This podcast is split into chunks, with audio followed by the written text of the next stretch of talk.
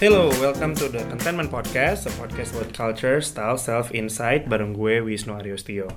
Jadi banyak banget nih mungkin dari pendengarnya konten podcast yang sebenarnya punya mimpi baik itu mimpi belak-belakan maupun mimpi diem-diem ingin menjadi seorang startup co-founder.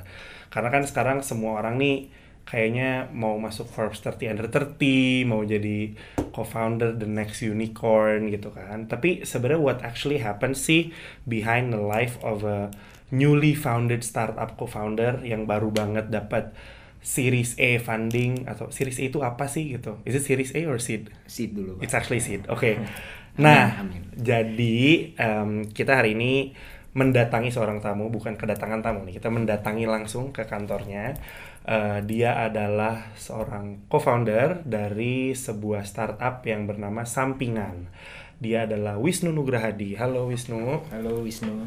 Ya, kebetulan nama gue juga Wisnu ya. Iya. Jadi kayak ini bingung kayak mungkin gue dipanggil Iyo aja. Boleh. Lo panggilnya Wisnu ya biar nggak pusing. Nanti Iya, kayak iya. Wisnu Wisnu bingung kan. Nah, Jadi um, I actually know Wisnu from back then. Ada salah satu program apa ya leadership academy gitu kali kita sebutnya. Iya, iya. yang dibuat oleh sebuah consulting firm di Indonesia. Terus kita ketemu satu tim.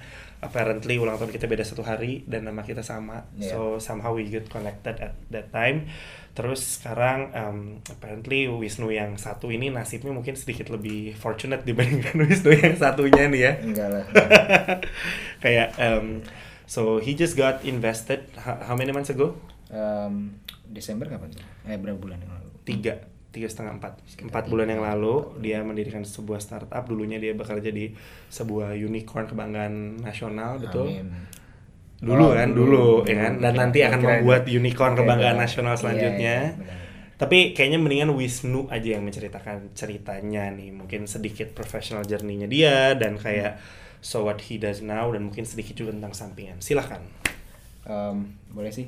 Eh, iya, mulainya dari mana ya? Mulainya dari mungkin kita juga dulu sempat sempat eh, intern bareng kan ya? betul sekali Ya kan kita Iya. sempat intern bareng di ride hailing startup pertama pertama di dunia di ini dunia. Em, waktu itu zaman masih kuliah kita ya. betul Um, justru itu sebenarnya awal-awal gue sendiri mungkin tahu tentang startup startup Yep, yep. dan kayak you know um, boleh nyebut nggak sih? Boleh kan? Sebut aja. Sebut aja kan waktu itu kita kerja di Uber. intern di Uber. Mhm. um, internnya nggak dibayar. Tapi keren aja buat LinkedIn kan Keren ya. aja, wow biar- ini early team Uber nih. Biar ada kerjaan juga kan. Akhir eh akhir ya? Kapannya? Akhir pas udah mau lulus gitu kan ya? Hmm, Pas akhir-akhir pas- banget. akhir-akhir Akhir banget, banget. Nah, terus intinya mulai dari situ sih kayak kayak my fascination um, about startups itu mulainya di situ. Kayak timnya kecil banget waktu itu cuman yang full time cuman dua orang betul they were flown from what Hong Kong Singapore Singapura kayaknya ya kan Nah, ke Singapura. sebuah kota entah berantah di Indonesia negara berkembang Benar. dikasih kamar hotel bintang 5 satu and then he needs to work from there that was awesome That was I, awesome I, I never have been apa ya kayak exposed ke hal-hal kayak gitu terus kayak wow gitu Iya, kan iya. Iya, iya, exactly. Um, and mulainya di situ kan kita kita di sana cuman berempat ya. Mhm. Two, two full time guys, two two three interns ya. three interns Dan kita dibayar cuma dikasih makan doang. Dan itu lucu sih dikasih makan sama kaos. Tapi you know um, di situlah kerasa kayak kerjanya bener-bener kayak kerja datang jam 8 pagi pulang jam 11 malam tapi nggak nggak capek gitu. yeah it was fulfilling It was really fulfilling dan you learn a lot. Um, dan itulah at that time gue langsung kepikiran buat uh, oke, you know, fuck lah masuk ke corporation dan lain sebagainya kayak startup aja gitu. Mhm. Dan juga itu juga karena karena ngelihat karena I was I was doing operations di sana tuh Yep. actually kayak my my fokus di university itu lebih ke arah marketing sama kita kan ya Mhm.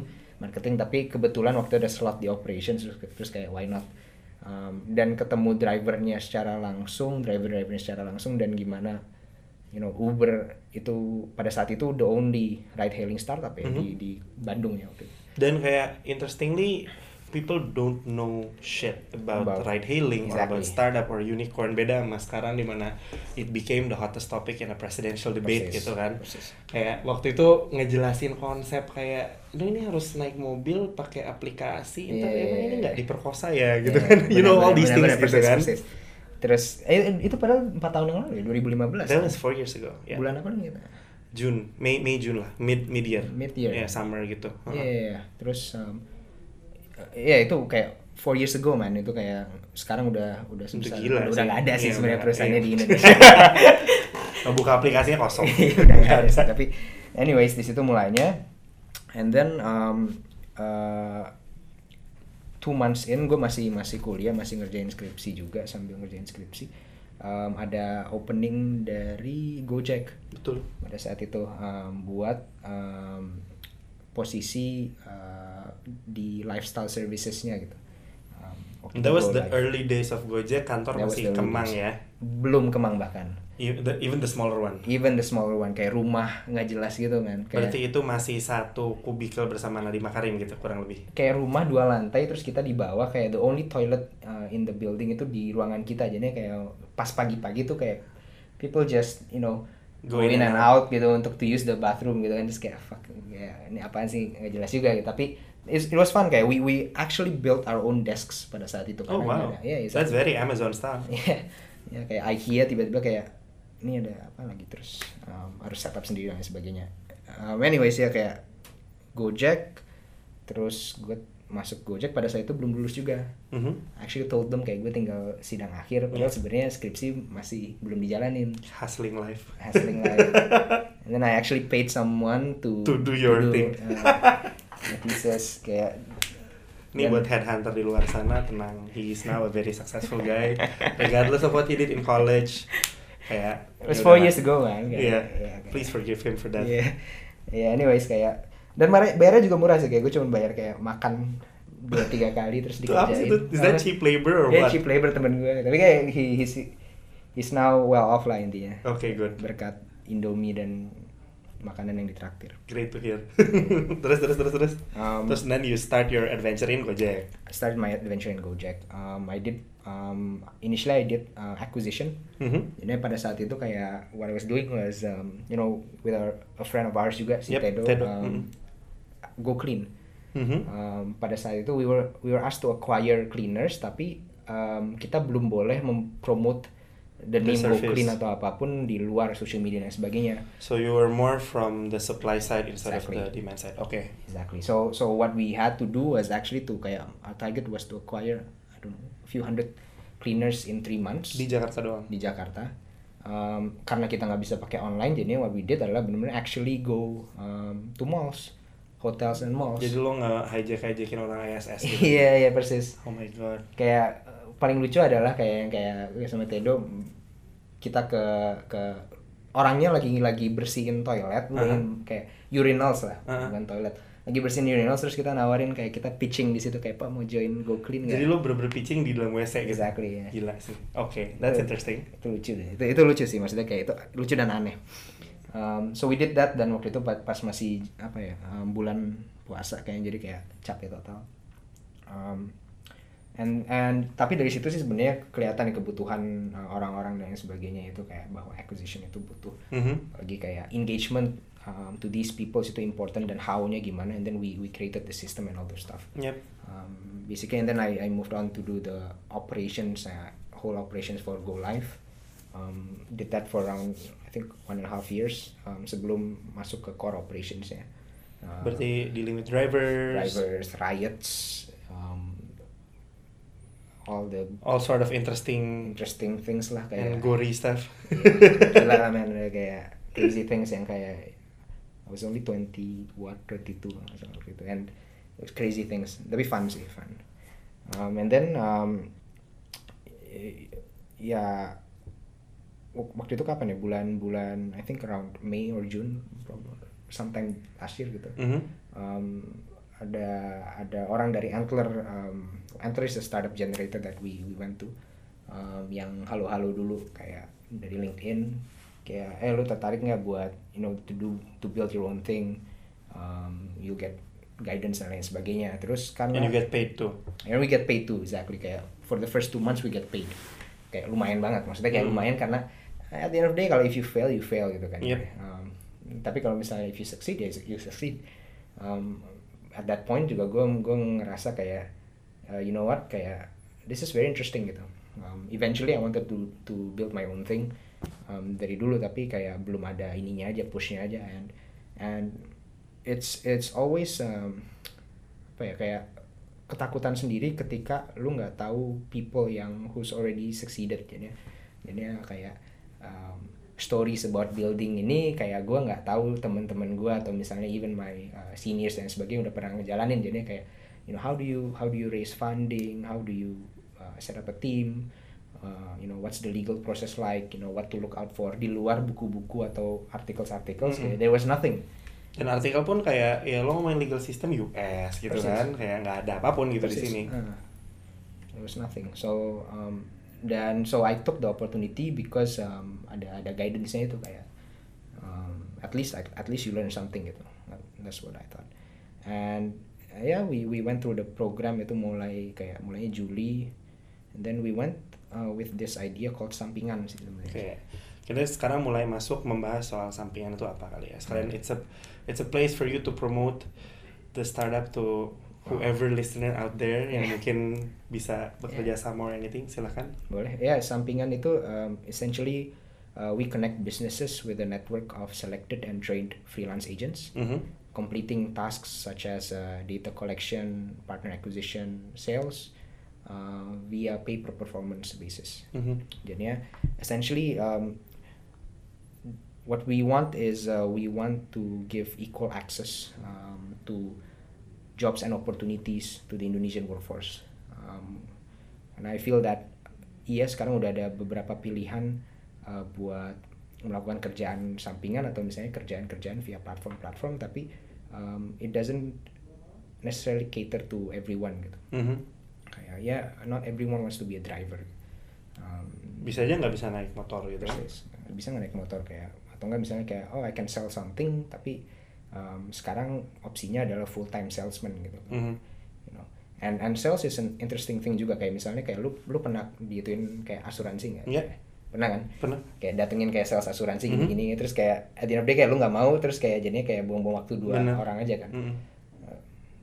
pemikiran kita dari awal kayak lebih karena oke lu nggak mau asuransi tapi kenapa nggak dikonsolidasi satu gitu misalnya lu nggak mau asuransi lu maunya apa lu gua ada gym membership gua ada lu mau beli mobil lu mau beli rumah Wow, that is an know? interesting idea. nah itu itu yang yang yang itu sebenarnya at, at the end of the day kayak it's it's it's about what you need what you want gitu dibanding kayak gua nge-push you know some some random product um, ke lu yang lu nggak butuh juga gitu that way with each interaction si uh, mitra kita ini kita sebutnya kawan sampingan Mhm. um, mereka likelihood untuk dapetin penghasilan itu lebih tinggi dibanding sebelumnya Okay, very interesting. Yeah. Wow, okay, let's mungkin sebelum kita go on to the more like personal stuff about co-founding a company di umur berapa sana lo? Sama kan kita 25 Oh iya dulu sama, Sama, baru inget ulang tahun Iya, sama ya. sehari. Eh, di umur 25 gitu kan dengan semua beban hidupnya dan, dan semua ekspektasi investornya gitu kan. Mungkin kita obrolin dulu soal sampingan kali ya karena um, it's very interesting di mana kayak banyak bisnis-bisnis yang sekarang um, apa namanya membutuhkan ini tapi juga banyak orang-orang yang membutuhkan ini. Jadi lo basically nemuin tengah-tengahnya kan. Which one is harder? Finding orang yang mau ngerjain atau finding orang yang butuh servisnya? Hmm.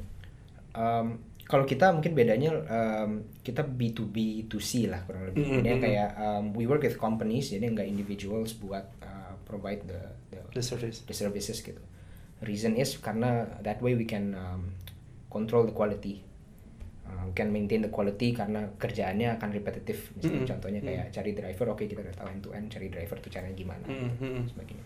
Um, lebih susah adalah orang tuh banyak mau kerja intinya, Um, tapi finding the right person for the right job, Job, ya. is very difficult. Um, Jadi matchmakingnya ya yang susah. um, it that's one thing. So so matchmaking benar kata lu. Um, kedua adalah increasing the productivity. Jadi kayak how can we increase the productivity? Ya it's it's basic marketplace stuff lah intinya kayak um, supply demand mismatch. Uh, kita gimana caranya biar increase the the um, income of each uh, agent atau each kawan sampingan ini uh, melalui program-program training, you know, engagement, community engagement and all those stuff. Soalnya mereka memang baru dibayar setiap tasnya completed berarti ya, Exactly. bukan per hour basis. Bukan. Oke, very interesting. Terus eh, apa namanya? initially nih Hmm. mungkin sekarang kita selain cerita soal sampingannya juga cerita soal journey-nya sampingan dan journey personal lu sendiri gitu. Oh. Karena kan oke, you join Antler, Ya. lo dikasih guidance di sana. Hmm. And then what? And then what's next? Terus Oh. sampai di titik di mana tiba-tiba ada berita di portal-portal kayak lo foto tersenyum mendapatkan funding itu gimana sih? Karena I think that's that's where people kayak lost signal gitu loh. Kayak Iya, itu iya. tuh berita-berita awal terus tiba-tiba hilang sinyal, terus Iya. tiba-tiba ada lagi kayak udah dapat gitu. Maksudnya I know some stuff mungkin nggak bisa di-share secara gamblang karena Iya, iya. for sure confidential, tapi in a nutshell tuh gimana sih how does that process happen gitu? Hmm. Mendirikan sebuah startup.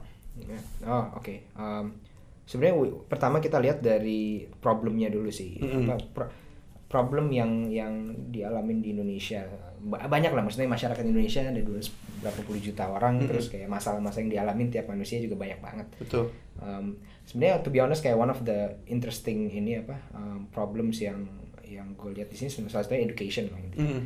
Um, so uh, initially I wanted to do something in in education lah, edtech gitu. Um, alasannya karena pas tapi pas dibaca-baca lagi ternyata uh, number one issue adalah orang drop off karena mm, nggak punya uang. Hmm. Jadi kayak orang tuanya nggak punya uang, Mahal intinya. mahal, terus kayak afford gitu. cannot afford, terus mereka juga mungkin sama aja ya kayak mereka belum lihat success story di mana kayak well educated terus anaknya Jadi nggak sukses. siapa teman-temannya dan sebagainya jadi kayak udah lu bantuin gua di apa jadi petani Iya. aja atau apaan gitu Sementara ketika lo startup ya lo harus monetize gitu kan. You need to get something out of it gak sih? Persis, persis. Nah terus um, tapi dari situ berarti permasalahan utamanya dari edukasi adalah uang gitu. Jadi kayak karena orang tuanya nggak punya uang maka anaknya nggak bisa sekolah. gitu kayak Atau nggak bisa dapat service apa pun itu gitu. persis. Jadi um, core problemnya di situ kita lihat Um, dan dan ada mismatch, you know, tau nggak maksudnya kayak one third of the working population di Indonesia itu underemployed.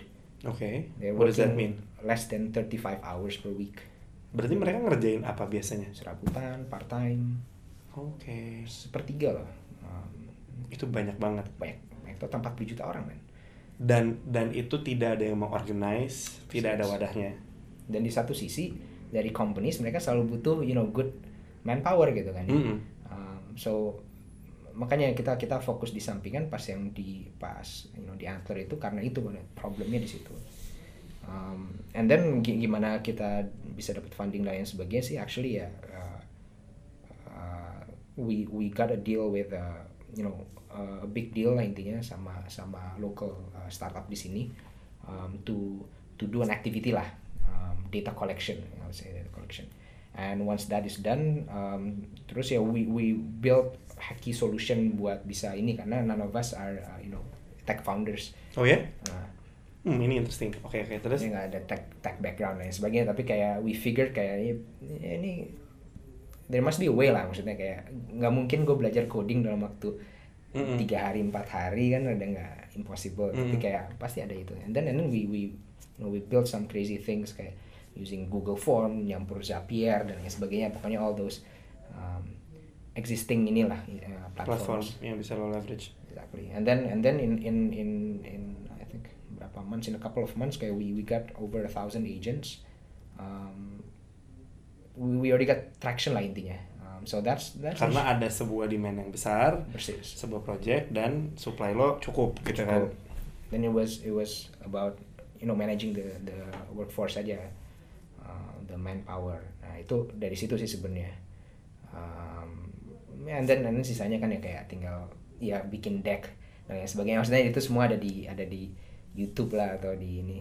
Um, tapi kuncinya sih sebenarnya I think um, I think it's because uh, we hit a, a problem yang a lot of people are facing which which is uh, kayak mereka nyari penghasilan tambahan atau penghasilan ya. Ternyata dan juga dari bisnis juga mereka nyari manpower. So it's it's it's the right problem gitu. Um, dan dua we got traction. Um, ya Dari tadi gue merasa kayak conversation ini sangat menarik mungkin karena partly gue juga one of my my full time job is in a tech startup jadi gue ngerti Hmm. semua istilah-istilah Oh. dan jargon Nah, tapi mari kita coba Sorry. membuat sebuah percakapan yang bisa lebih didengarkan oleh banyak orang Iya, iya. karena gue takutnya terlalu banyak jargon jadi Iya, iya. mungkin kita coba eh, apa namanya bedah salah satunya jadi traction tuh apa sih sebenarnya traction tuh adalah ketika sebuah bisnis sudah mencapai sebuah angka pertumbuhan gitu nggak sih kayak Iya. growth number yang cukup Iya. Oke lah dibandingkan industri standar gitu kan ya. Jadi karena mungkin kita cerita dikit juga soal soal tech startup ya. Mungkin banyak juga di, dari pendengar konten podcast yang nggak ada di industri tech. Jadi kita harus jelaskan dulu term-termnya bahwa buat kebanyakan pemodal nih di lingkungan tech startup yang paling penting nomor satu adalah growth, betul? Betul. Jadi kayak gimana caranya sebuah company ini bisa bertumbuh dengan sangat cepat dua kali, tiga kali, empat kali, lima kali, ratusan kali dalam waktu yang secepat secepat-cepatnya dan mereka akan lebih condong ke apa ya company-company bisnis-bisnis yang bisa menjanjikan lah ya tanda kutip Hmm. Si pertumbuhan yang cepat itu Hmm. nggak wis Betul. kurang lebih seperti itu kan Hmm. so apa lagi yang harus kita ini sedikit ya kita kita terjemahin dikit nih buat Apalagi? takutnya tadi kayak kita ngobrol asik-asik terus Oh. kayak apa ya funding mungkin Iya mungkin oh oke Hmm. kita kita ini ini kita masuk ke satu pertanyaan yang sebenarnya dari tadi juga gue udah mau memper apa ya mau nanyain sih kita demystify funding Hmm. karena kan buat semua orang kayak hah jadi lu dikasih 600 ribu dolar itu berapa rupiah? Nggak nggak gitu. Maksudnya kayak kok kok bisa? Kok percaya? Kok ngasih? Gitu. Maksudnya kayak mungkin in, in in a nutshell kayak ceritain dulu kenapa sih gitu. Kayak how does the funding system di tech startup tuh Oh, works boleh. gitu. Jadi itu itu pertanyaan yang paling paling sering sih. Kayak orang orang kayak assume-nya kalau itu pinjaman. Oke. Ya, ya, jadi kayak lu gimana balikinnya? Terus kayak balikin apa? ya um, sebenarnya basically kalau funding beda sama conventional company atau conventional ways adalah biasanya kalau misalnya lu pengen bikin umpama lu pengen bikin kayak mie mie ayam gitu bro Mm-mm. mie ayam bisa lu lu minjem duit dari keluarga terus lu bikin terus biasanya setelah berapa lama lu balikin duitnya Karena uang udah untung kan. Ah, ah. Dari untungnya ini bisa dipakai untuk membayar balik modalnya, bunganya dibayar. bunganya dibayar jadinya biasanya itu interest kan ya Um, tapi kalau misalnya kalau apa ya venture funding bedanya mungkin yang nggak cuma venture sih sebenarnya ada angel tapi um, bedanya adalah mereka itu kayak umpama beli sebagian dari perusahaan lu Saham. saham Mm-mm. gitu jadinya um, kayak bukan interest bukan apaan tapi mereka beli sahamnya itu sih jadinya. Mereka ini orang-orang yang sangat optimis ya, karena mereka berharapnya ke masa depan, bener gak Betul, sih? betul. Kayak suatu hari ini kalau perusahaannya Mas Wisnu ini sudah menjadi sebesar Gojek dan Traveloka, nanti jumlah nilai saham saya ini yang tadinya saya taruh Hmm. hanyalah 600 ribu dolar akan berubah menjadi entah berapa ratus juta dolar gitu Betul. kan. Hmm. Jadi harapannya ada di sana gitu. Benar, benar.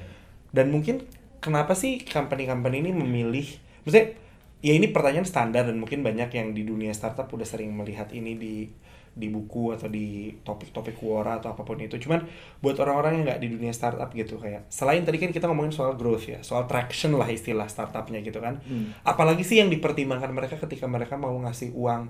Mungkin pertanyaan kalau misalnya orang tua kita gitu diceritain kok percaya gitu. Nah itu tuh Hmm. gimana gitu? Nah, itu bagus sih. Jadi um, menariknya um, tiap biasanya tiap jadi ada namanya terminologi lagi uh, VC atau venture Hmm. capital biasanya mereka itu kayak um, mereka manage uh, sejumlah uang um, whether itu uang dari suatu perusahaan yang besar Lebih besar. lebih besar lagi atau perkumpulan dari agregasi banyak agregasi uang-uang lah dari uang-uang mana-mana gitu, itu kan. orang super tajir kayak ini Iya. gua taruh berapa di situ Hmm, misalnya. hmm. jadi mereka akan manage dan mereka akan invest di perusahaan-perusahaan yang menurut mereka akan menghasilkan return dalam waktu berapa tahun Mm-mm.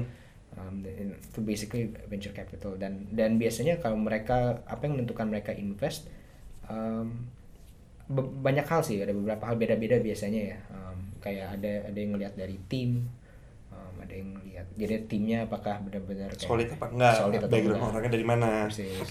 kasarnya kayak misalnya gue pengen bikin uh, mobil Tesla gitu di Indonesia tapi background gue di filsafat Atau F&B gitu. F&B gitu mungkin rada rada Nggak cocok nggak nih cocok. kayaknya. mungkin ja- bisa juga gitu bisa aja nih orang mungkin belajar via YouTube tapi Jadi nggak mobilnya gitu. iya kan serem juga kan nah kayak gitu sih gitu sih kayak tim satu Um, kedua traction yang Yang traction tadi itu kita bahas ya. bener kayak um, ini udah ada yang beli belum udah ada yang udah yang nyoba produk ini belum feedbacknya seperti apa dan sebagainya Um, dan seberapa cepat mereka grow-nya sih dengan resources yang ada dan sebagainya gitu sih Karena mungkin kalau ngomongin soal funding atau pendanaan startup ini bedanya kalau misalnya ngedanain bisnis kayak misalnya kan ada banyak sebenarnya yang ngasih source of capital, ada bank, Hmm. ada private equity, ada apa gitu. Salah satu yang kayak banyak mungkin teman-teman yang belum tahu juga kenapa VC ini apa namanya kayak memilih untuk invest di startup tuh karena ada si itu tuh wis yang satu berhasil yang lain gagal tapi nutup itu loh Oh, like iya, iya, that thing. gue nggak ngerti cara menjelaskan itu secara simpel gimana tapi intinya ketika sebuah perusahaan VC ini menginvestasikan ke 10 perusahaan ya mungkin banget sembilannya nggak berhasil. Dalam Betul. arti tidak mencapai target eh, ininya. Karena mungkin ada konsep lagi yang dijelaskan namanya exit kali ya. Benar jadi exit itu adalah ketika sebuah perusahaan itu mendapatkan pendanaan dari pihak non VC gitu nggak sih simpelnya Eh, mencapai suatu titik di mana dia either dia pergi ke pasar modal umum which is IPO, IPO, hmm. atau dia dibeli oleh perusahaan Betul. lain dan akhirnya nilainya perusahaan ini nih dari yang tadinya misal nilai 10 pas Hmm. awal dibeli kan dia udah gede-gede-gede nih usernya makin banyak eh, apa namanya kayak karyawan enggak karyawan juga sih. Pokoknya intinya value perusahaannya membesar dia dibeli sama perusahaan lain. Jadi kan tadi seperti yang dibilang berharap ke masa depan nanam awalnya 10 balik-balik jadi 100 dia dapetnya gede. Intinya gitu kan. Persis. Karena ada konsep exit itu uangnya dari CVC yang tadi kita di diolah ini hmm. kalau misalnya 9 ini gagal satu yang berhasil ini harapannya bisa nutupin iya iya. sembilan kegagalan yang tadi. Makanya mungkin mereka lebih berani lah ya bisa dibilang untuk invest ke perusahaan-perusahaan yang bahkan cuman baru berapa bulan berdiri gitu kan. Hmm. perusahaan apa eh, sampingan ini pas ber- pas dapat seed itu berapa bulan sih jadi ide? S- lo kan kelar Entler nih Juli. Juli. Lo dapat funding Desember. Berarti baru banget tuh. Lumayan baru. Kantor masih scrappy orang masih dikit banget. Iya produknya belum bener-bener ada da da gitu kan Iya, ah. dan lo udah mendapatkan itu Iya. karena lo berhasil menjual sebuah apa ya maksudnya harapan tadi itu bahwa ini bisa jadi besar idenya tervalidasi gitu kan betul betul ya gitu sih menarik ya maksudnya dunia fundingnya startup ini kalau misalnya bekerja di industri yang konvensional atau Hmm. bekerja di corporate pasti kerasanya kayak agak halusinasi sih sebenarnya tapi sekarang makin makin banyak nggak cuma tech ya maksudnya kayak lu lihat yang kayak coffee coffee Iya. yang invested dan gila loh maksudnya kayak di investnya kayak 8 juta ya 8 waktu itu juta ya. dan sebagainya Dan itu industri in a way agak real juga karena butuh toko, butuh orang barista gitu Betul. kan. Bukan mungkin sesuatu lagi yang kayak harus gua kasih disclaimer adalah kenapa eh, perusahaan-perusahaan berbasis teknologi ini Hmm. bisa di funding lebih cepat soalnya ini sangat ini ya asset light ya.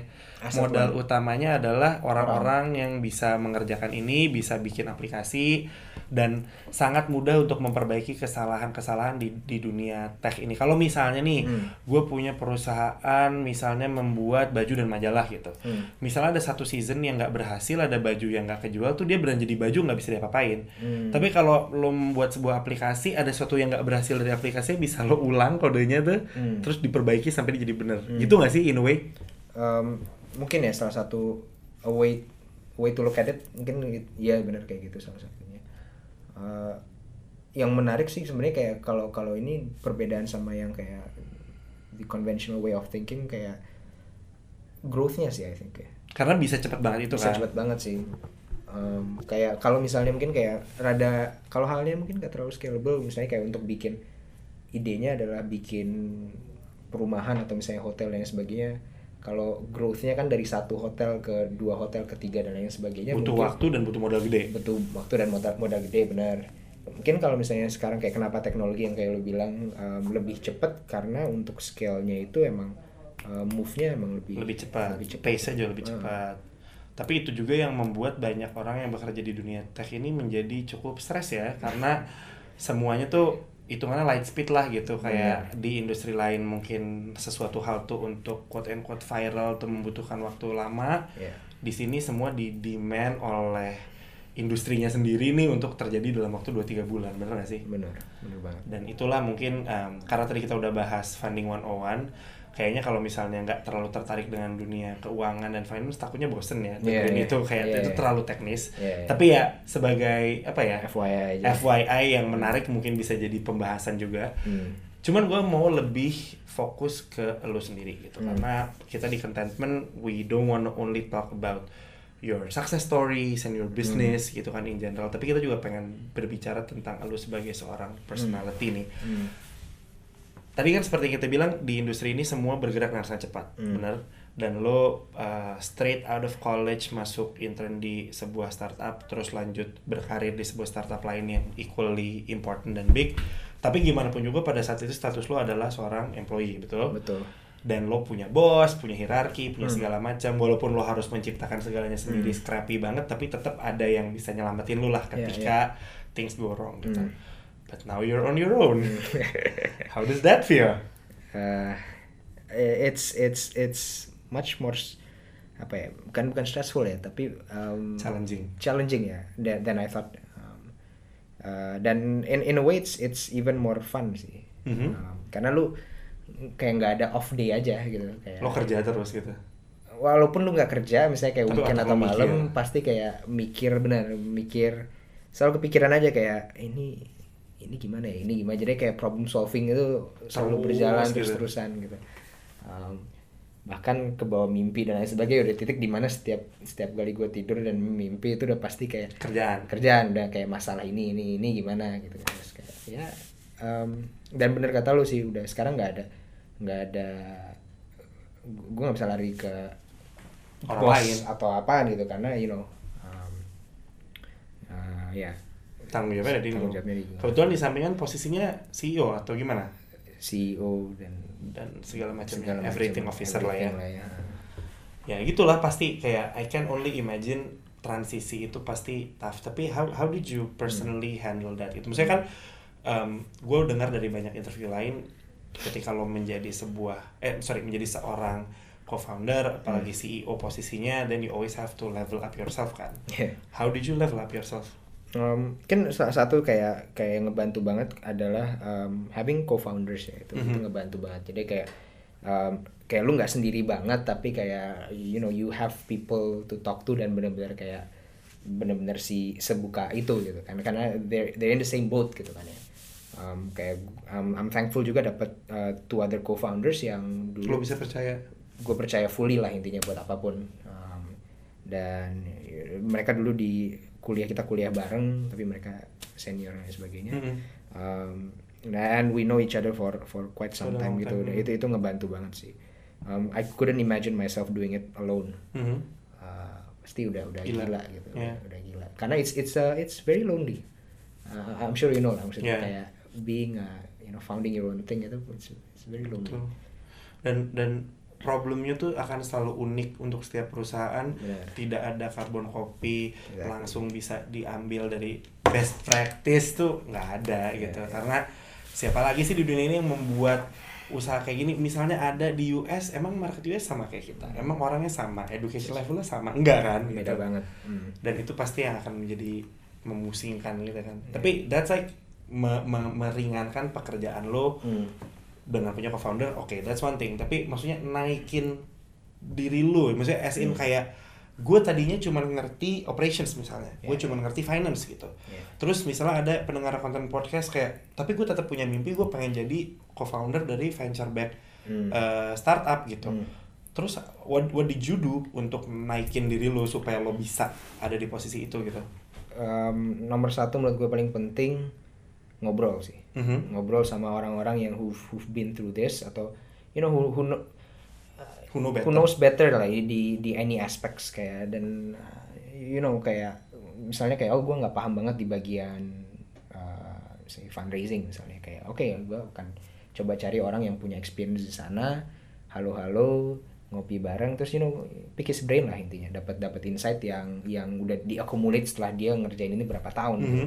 And I think it's the fastest way to learn things di luar uh, baca buku. Karena baca buku itu kan kayak one way aja gitu Mm-mm. karena Nggak ada ngobrol, nggak ngobrol, ditanyain bukunya. persis. Um, dan uh, I think makanya itu one thing yang paling penting I think it's the network juga sih. Kayak kalau misalnya kayak gue mau nanya gue essay let's say gue pengen bikin sesuatu di fashion gue pasti halo-halo ke lu dulu sebelum gue nanya-nanya orang di luar network. Gitu. Um, dan itu yang ngebantu secara rutin nyari orang mesti kayak ngobrol-ngobrol hey um, I wanna pick your brain lah kasar Iya. katanya gitu kan kasar, katanya dan oh, ternyata orang-orang juga happy Cukup happy open aja ya. open ternyata gitu kayak orang-orang yang kayak ini orang nanti kayak oh, soalnya kesannya kalau orang Indo tuh kan lebih karena kayak ini ntar gue dikiranya bego atau Mm-mm. dikiranya apa kayak ya pada dasarnya kita semua nggak tahu apa-apa gitu kan ini kayak cuman ya daripada sok tahu mendingan tanya aja gitu. Mm-mm, mm-mm. It's, it's it's easier for everyone juga gitu Mm. dan kesannya lu nggak ngeselin nggak sotoy juga gitu kan Iya. Nggak tahu ya maksudnya mungkin kesan orang lain kayak ngeselin tapi ya hopefully enggak hopefully enggak sih. jadi baca ngobrol oke tapi what about like your ini ini pertanyaan jadi Hmm. sangat personal ya. what about your personal life gitu Hmm. maksudnya dulu mungkin ketika lo di Gojek atau di Uber mungkin lo punya hobbies yang sering lo kejar atau Hmm. apa pun itu pursuit lain di luar em, kerjaan lo gitu Hmm. atau mungkin relationship atau Hmm. mungkin love life or whatever that is yang kayak em, apa namanya pernah lo jadi important di hidup lo gitu keluarga dan lain-lain gitu Hmm. apakah hal itu terkompromis kah setelah lo berpindah status ini atau gimana? Um, waktunya sih waktu yang uh, di spend Spend. sama mereka uh, jauh lebih sedikit dibanding uh, sebelum-sebelumnya karena tapi untung-untungnya for me kayak um, my family, my significant other juga dan juga my friends um, semuanya kayak support supporting banget gitu kan, supportive banget. Dan kebetulan juga kayak di sini pun juga gue ada beberapa orang yang temen-temen main gue juga yang gue Hmm. tarik ke sini yang gue uh, menurut gue juga oke. Um, dan di situ bikin makes life easier. Kalau misalnya gue ngebayang kalau misalnya kayak nggak ada yang nggak sportif dan lain sebagainya itu akan lebih ribet lagi sih Karena lo harus mikirin dramanya. Yes, ya harus mikirin drama terus kayak harus mikirin ini dan juga kayak sebenarnya kayak gue ngebayang kalau misalnya udah maksudnya tanggung jawab lu lebih tinggi itu kayak uh, misalnya kayak lu punya anak 10 gitu Hmm. kalau misalnya if if you fail terus kayak ini anak sep- 10 anak gue kasih makan apa ya besok Bener. nah kayak gitu-gitu sih sebenarnya um, I think I think having some kind of safety nets um, itu juga ngebantu biar kayak oke you can really focus on on your thing gitu intinya. Um, ya salah satu safety net adalah waktu itu juga pas gue caw dari Gojek juga I had a few passive income juga gitu jadi biar dan itu udah udah nyaman. Udah set. udah set gitu ya dari situ sih itu bikin lebih pede lagi dan lebih nyaman lagi untuk bener-bener nyemplung nggak mikir-mikir lagi sih Gue tuh ini ini pertanyaan sebenarnya buat gue pribadi ya, tapi hopefully juga bisa diimplementasikan untuk untuk teman-teman lain yang berpikir pengen jadi startup co-founder gitu. Kayak I am still currently working full time in Hmm. startup juga sih, tapi ya I, I get paid pretty well dan segala Hmm. macam. Makanya gue punya punya kebebasan untuk membuat passion project lah yang Hmm. suatu hari ini gue harapkan ya amin-amin dia bisa berubah menjadi my main thing gitu. Dan Hmm. itu kan sepertinya lagi in ya punya sampingan nih ya kan. sampingan Nah, kayak lu sendiri tadi lu bilang lu punya passive income dan segala macam gini-gini. Oke lah, you're backed by VC means Hmm. kayak lo akan mendapatkan gaji lah ya. Maksudnya dalam artian you can actually proportionate kayak sebagian dari funding itu untuk juga menghidupi lu supaya lo punya kehidupan Yeah. yang cukup layak kan. But what about people who are thinking to bootstrap? Again, bootstrap istilah. Bootstrap adalah memulai hal-hal seperti ini tapi bukan dengan uang orang lain tapi mungkin dengan uang sendiri, Pribadi. tabungan atau juga friends and family itu kan masih bootstrap nggak sih? Apa? Enggak ya? Friends, and fa- friends and family itu itu kan udah nggak bootstrap ya? Mungkin. Eh, eh gimana sih apa ya definisinya? mungkin ya nggak tahu Mu- Ya pokoknya intinya intinya bukan sumber-sumber uang yang kayak ini lo 600 ribu dolar gubrak gitu, yang yang masih mulai banget Iya, gitu. iya. Dan lo sebelumnya ada di sebuah background yang kayak, oh gue punya punya income nih tiap bulan gitu, Hmm. tanggal 25 gue pasti dapat gitu kan. Hmm. Tapi terus lo deciding buat enggak gitu. Do you have any tips or Hmm. anything to share? Hmm. Um, dari dari awal sih sebenarnya gue mikirin kayak um, gue kerja tuh cuman buat belajar sih sebenarnya. Mhm. Um, jadi kayak maksudnya gimana caranya nanti kayak financially free lah itu itu penting banget buat gue dari Tujuannya. awal.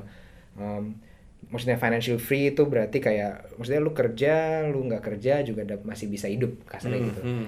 Uh, masih dapat income dan sebagainya. Jadi dari dari zaman bukan zaman kuliah ya pas pas awal, masuk um, gue mulai udah mulai nyari passive income waktu itu. I did all kinds of crazy things lah intinya tapi yang di paling simple adalah kayak salah satunya adalah kayak Airbnb you know. um, gue sewa apartemen terus gue rapihin terus gue sewain lagi ke orang gitu you know um, kuncinya dari situ adalah itu lumayan simple dan um, tinggal bikin kayak waktu itu gimana cara bersihinnya gimana cara foto yang bagus apa you know customer service-nya kayak kalau orang nanya A gue jawabnya B dan lain sebagainya itu semua didokumentasiin uh, bisa bikin SOP dan lain sebagainya sehingga bisa scaling Nah, scaling itu berarti kayak uh, maksudnya dari satu, Dari satu dua, bisa tiga, dua, tiga. empat, lima karena udah ada rumusnya tinggal Udah ada di copy. persis ini tanpa gue harus ngejalanin gitu kan Jadi itu lo kasarnya lo cabut tuh nggak, maksudnya bukan cabut, eh, lo lepas tangan. Jadi someone is doing that for you. yes kayak Karena lo udah bikinin semua metodologinya persis dan masih jalan. oh masih jalan sekarang ada 15 unit apa Oh that's nuts. Ya, lumayan. Karena lo satu terus oh ini duitnya gue puter dua, oke gue puter tiga, gue puter empat gitu. Ya, sampai di titik di mana udah kayak ya kayak cukup deh segini gitu Um, soalnya kayak mungkin orang ngelihatnya juga kayak passive income dan sebagainya oh gue harus dapetin penghasilan misalnya 10 juta atau 20 juta gitu. Terus kayak dengan mindset itu salahnya adalah kayak jadi mereka akan think of businesses yang akan menghasilkan itu secara langsung. Mhm. gitu kayak oh kalau gitu gue harus bikin restoran sama bar. Ya kan kayak gitu kan modalnya gede banget ya. Mm-mm. jadi kayak dan itu butuh butuh bener-bener lu full time di sana. Jadi gue selalu mikir kayak gimana caranya gue bisa melakukan hal perintilan kecil-kecil aja. Mungkin kayak mungkin sebulan dari suatu hal itu misalnya ngasilin kayak lima ribu sejuta dan sebagainya tapi scalable Di keteng lah ya. di keteng Heeh. bener jadinya kayak di breakdown aja dari oke daripada 10 juta mendingan dipecah berdasarkan uh, spending lu sebulan 2 juta kali lima gitu kan. Hmm. Jadi misalnya spending lu, misalnya spending lu berapa misalnya kayak let's say 10 juta gitu. Ah. Um, let's say 5 juta buat buat uh, tempat tinggal, kosan dan Iya. sebagainya. 3 juta eh 2 juta buat transportasi, 1 juta buat eh 2 juta lagi buat misalnya makan, Makan, minum. Uh, 500 ribu misalnya buat transportasi, 500 ribu lagi buat pulsa. Heeh. Atau misalnya 800 ribu buat transportasi, 200 ribu buat pulsa. Heeh. Nah, um, biasanya orang kalau mindset kalau misalnya gue ngajak lu ya kayak, eh lu mau bisnis ini nggak cuma modal let's say 10 juta, uh, tapi bakal ngasilin 200 ribu sampai lu mati, bukan sampai Ah. mati sih, tapi kayak 200 Iya ribu sampai itu masih ada gitu kan. ah. Nah, sebulan. Terus kayak pasti lu mikirnya kayak, ah 200 ribu, terus gue harus kerja apaan kayak, oh ya lu setiap weekend selama sebulan pertama lu harus bantuin gue di sini-sini. Orang keburu males kan kayak, ah 200 ribu mah gue sekali berasa. jalan juga ciao gitu udah habis. Union sekali kue main course minum gitu kan. Iya habis selesai, gitu ya. kan. Jadi kayak orang udah kayak negatif aja gitu. Padahal sebenarnya kayak 200 ribu itu kalau mindsetnya adalah nutupin cost lu itu beda banget. Makes Jadi, a whole lot of difference. persis. Kalau mindsetnya adalah nutupin kayak pulsa lu. bayar pulsa gue Iya net 200 internet ribu ini pulsa. Habis itu kayak udah gue kerja sebulan weekend buat bayar pulsa buat nutupin pulsa beres. Nah kayak gitu tapi lu lu potong-potong gitu buat yang segala-segala hal yang lain. Jadi oke pertama 200 ribu buat pulsa, oke berarti ya udah you spend one weekend atau misalnya kayak one day each weekend selama satu bulan, cuman buat this business mau lu bikin online shop mau bikin apa, tapi dengan mindset gimana cara dalam satu bulan ini dengan waktu yang terbatas modal gue sekecil mungkin, tapi gue udah bisa bikin you know uh, Safety net. safety net gitu at least buat nutupin pulsa. Jadi gue sampai sampai mati bukan sampai mati ya tapi mungkin Sampai bisnis berapa sampai masih ada. ada gue bisa tetap pulsa gue ketutup gue nggak harus mikirin pulsa. Kayak gitu sih sebenarnya. And then you work um, towards the others gitu. Ya, misalnya kayak udah pulsa udah beres terus Makan. transportasi 800 ribu. Apalagi nih yang bisa gue kerjain. persis. Habis itu makan habis itu ini sampai ketutup semua nih you know and then you, you- I mean dalam seiring berjalannya waktu dan ini nggak idealis ya maksudnya kayak you know you don't want to build something big gitu karena Empire or whatever gitu kan. ini kecil-kecil aja gitu. Udah lu udah dapat banyak udah udah ketutup semuanya nih 10 juta udah beres and then comes the next question gimana cara selalu nih kan kayak gimana sih cara lu meningkatkan taraf hidup lu? Misalnya kayak um, lu dulu sekarang misalnya kayak lu lu working gitu Mhm. kalau orang kayak bener-bener nggak ada passive income atau apa kayak mau kerja aja pasti untuk kayak misalnya gue gue bosen nih di kosan gitu misalnya gue pengen pengen di apartemen misalnya Hmm. Oh, oke iya. ya kan berarti kan costnya dari misalnya let's say kosan pasti 2 juta misalnya Naik jadi lima juta. jadi 5 juta Iya. gitu biasanya untuk dapetin ini lu harus nunggu sampai promotion Betul. atau lu pindah kerja di mana offernya lebih tinggi nah kalau ini masih simple kayak oke kalau gitu um, dari stream bisnis atau passive income lu gimana cara gue naikin dari 2 juta jadi 5 juta. And then you just spend the amount of time gitu tiap weekend misalnya untuk Nggak, nggak mikir apa. fokusin itu gitu. And then that's it. That's it. Tiap bulan akan terus-terusan aja. Dan kalau misalnya ada lebih dan sebagainya ya taruh-taruh aja. Ketika lu dari itu lu bisa ngapain aja man? Kayak um, That's financial freedom that's for financial you. freedom gitu. Dan di titik itu kayak udah udah udah beres. Kayak lu lu nextnya mau mau kayak eh gue gue pengen sebulan di Bali belajar surfing fuck it gitu ya udah pergi aja gitu Karena sebenarnya aman, udah udah aman jalan. persis Pulsa udah ada yang cover nih Exactly. bisnis yang ini. Iya. Makan yang cover bisnis ini gitu kan. Benar. Gue tuh inget banget kita ngobrol ini di pesawat pulang dari Coldplay bener gak sih? Oh, iya, iya, iya, Kan itu Singapura, random juga di Batam, kan, iya. random banget.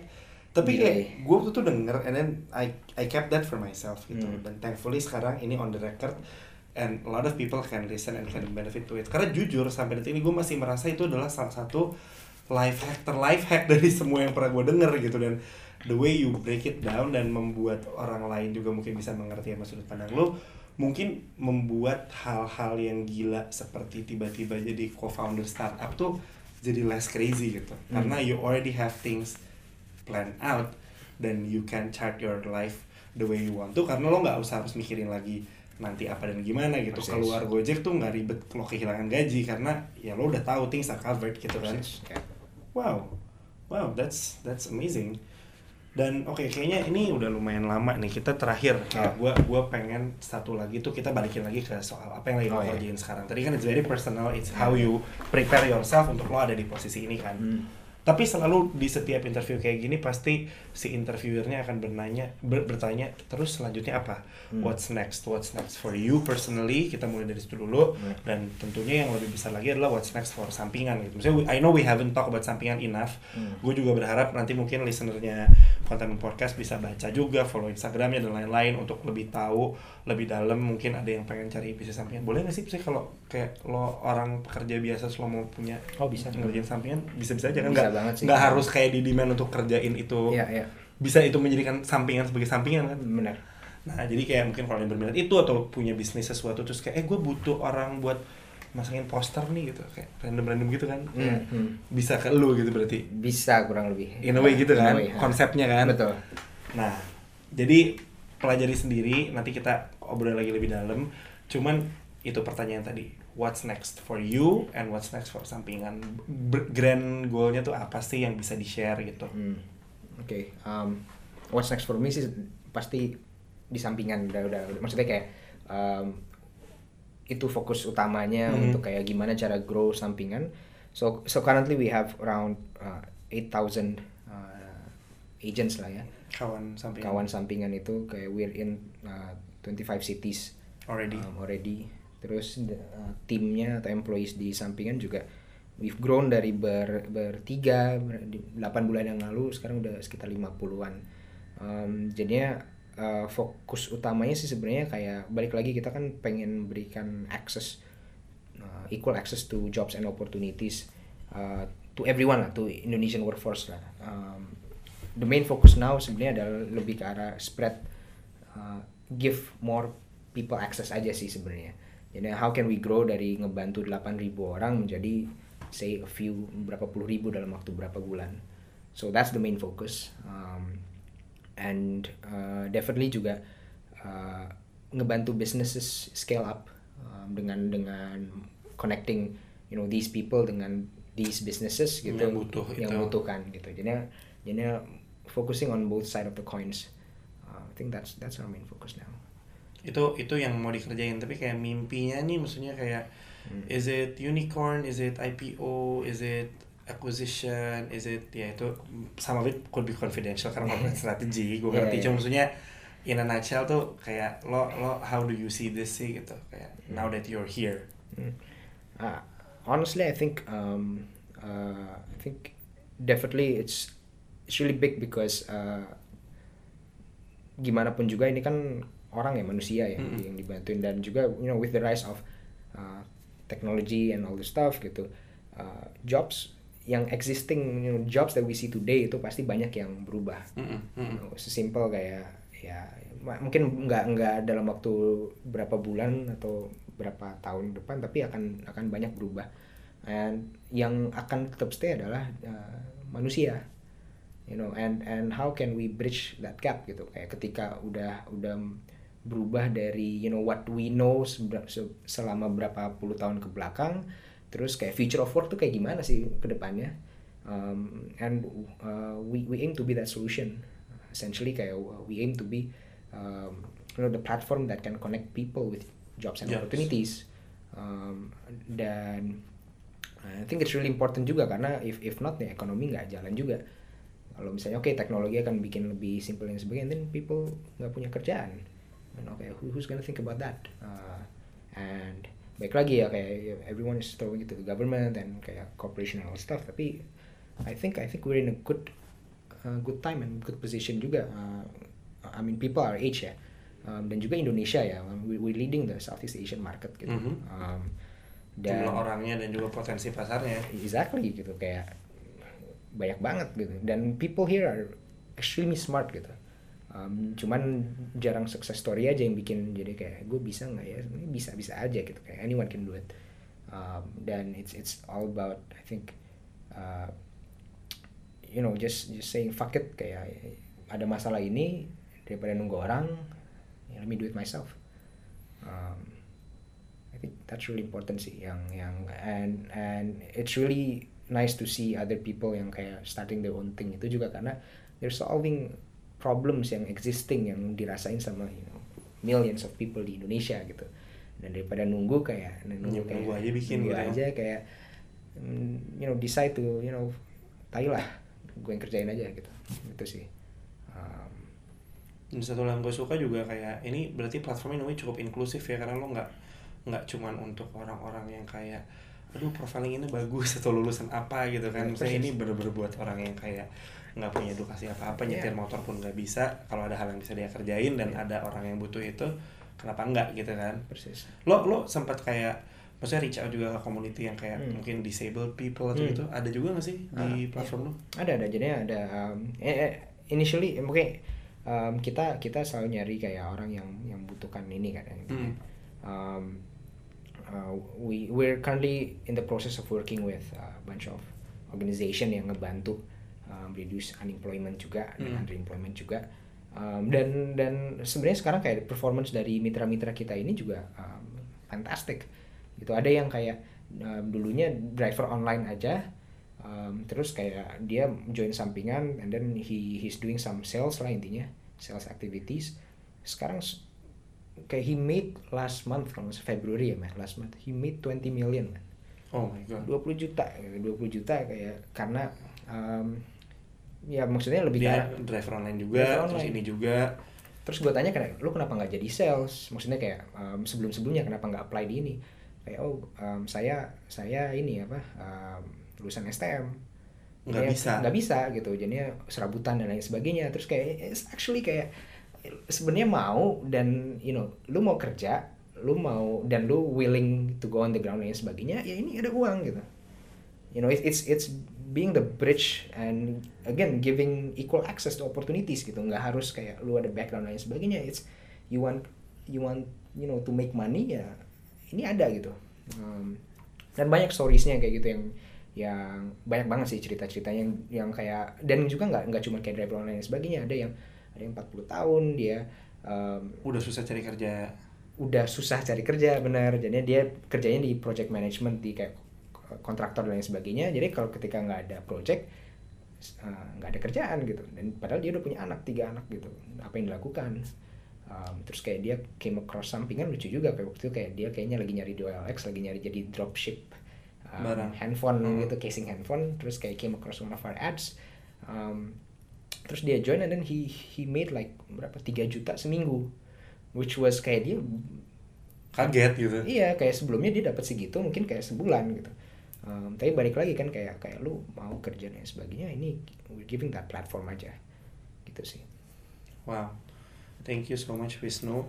I am totally inspired. Saya sangat-sangat ya I mean he's always been a very inspiring person but now that he's here in this position pastinya cerita-ceritanya baik yang personal maupun yang profesional bisa menginspirasi gue dan mungkin hopefully teman-teman yang dengar juga So yeah, that's about Wisnu and that's about Sampingan.